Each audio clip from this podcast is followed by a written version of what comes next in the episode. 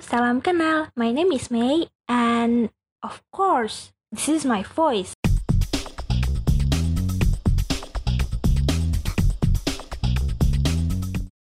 Oke, okay, so halo teman-teman. Hari ini May mau bahas mengenai suatu topik, suatu kisah soal wanita yang sangat hebat, keren, awesome, menarik, dan beliau adalah pemimpin.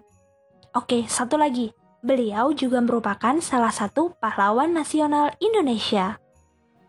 First thing first, before we jump into the story, May wanna ask, teman-teman pernah dengar nggak mengenai Kemalahayati? Yes. No, sure. Okay, just pretend that you don't know her yet ya, because actually May hari ini akan membahas mengenai beliau. Nah, as I mentioned before, that she's a really great woman. Dan beliau adalah salah satu pahlawan nasional Indonesia yang berasal dari Aceh, tepatnya pada zaman dahulu yakni Kesultanan Aceh Darussalam. Beliau lahir sebagai princess. Putri, yap, princess, just like that Snow White, Aurora, or Roro Jonggrang that you know before. Ya, beliau merupakan keluarga inti dari Kesultanan Aceh Darussalam. Garis keturunan ini beliau dapatkan dari ayahnya, yakni Laksamana Mahmud Syah. Laksamana Mahmud Syah adalah keturunan dari Sultan Ibrahim Ali Mughayat Syah, yakni pendiri Kesultanan Aceh Darussalam. Nah, jadi Kemalahayati was born and raised as a princess in Kesultanan Aceh Darussalam, but that doesn't make her a typical princess. Oh ya, by the way, nama Kemalahayati berarti batu yang indah dan bercahaya. Hmm, jadi mulai hari ini, kalau misal ada orang yang bilang, ah, nama itu nggak penting kok. Nama kan hanya sekedar nama. Jangan dipercaya, sebab Mungkin saja nama adalah doa, seperti nama Kemalahayati. Oke, okay, Mei balik ke topik deh. Kan kita mau bahas nih, emang hubungannya princess apa? Hubungannya sebagai putri apa? Jadi, Malahayati ini merupakan seorang putri yang cukup berbeda. Apa sih yang membuat berbeda? Ini nih, karena beliau lebih menyukai aktivitas yang memerlukan ketangkasan fisik. Oleh karena itu, akhirnya beliau memilih untuk terjun pada bidang militer.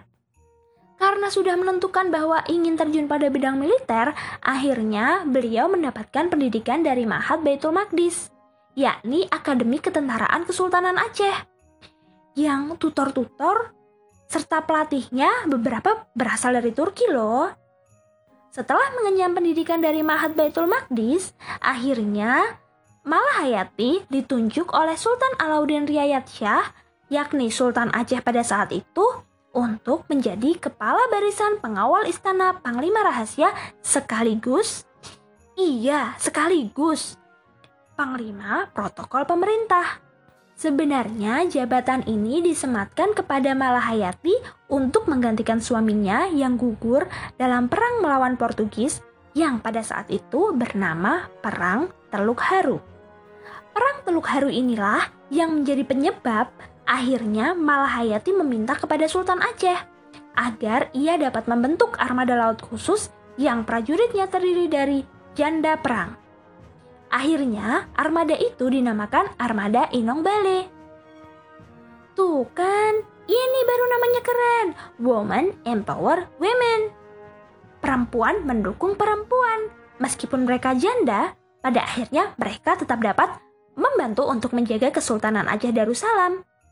Well, seru kan kisahnya? Oke deh, ayo mari lanjut. Oke, sebelum lanjut ke cerita selanjutnya, Mei mau nanya lagi. Mei tukang nanya. Biarin apa sih? Oke, okay, well, Mei mau nanya nih. Eh, kalian tahu Cornelis the Hotman nggak? Oke, okay, Mei yakin. Mostly kalian pasti tahu. At least pernah denger lah siapa tuh Cornelis the Hotman. Tapi di sini kalian udah tahu belum kaitannya dengan Malahayati? Oh, belum ya? Oke, yuk lanjut. Pencapaian-pencapaian Malahayati belum berhenti dengan jabatan-jabatan tadi. Beliau bahkan memimpin 2000 prajurit sekaligus. Iya, 2000, dua yang nolnya tiga. Nah, 2000 prajurit ini tentunya tidak hanya terdiri dari prajurit wanita. Ada prajurit lelaki juga loh. Tuh kan, bisa kok perempuan mimpin.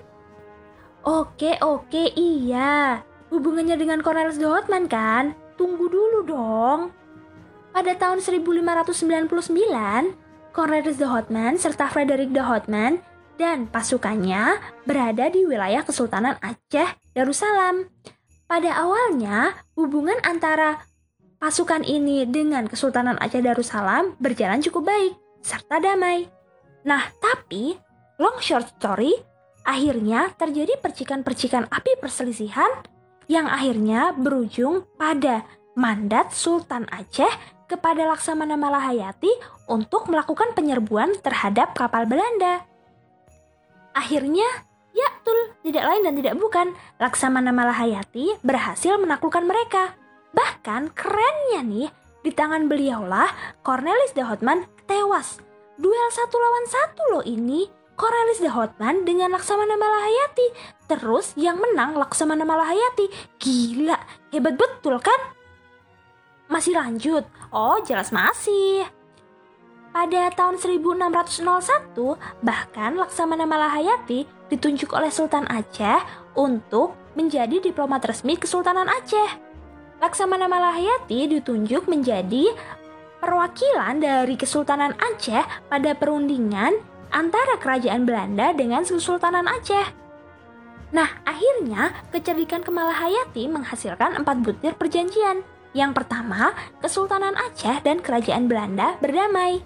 Yang kedua, Frederick de Houtman, iya yang tadi datang bareng Cornelis de Houtman, dibebaskan dari tahanan. Yang ketiga, Belanda harus membayar kerugian kapal Aceh yang dibajak.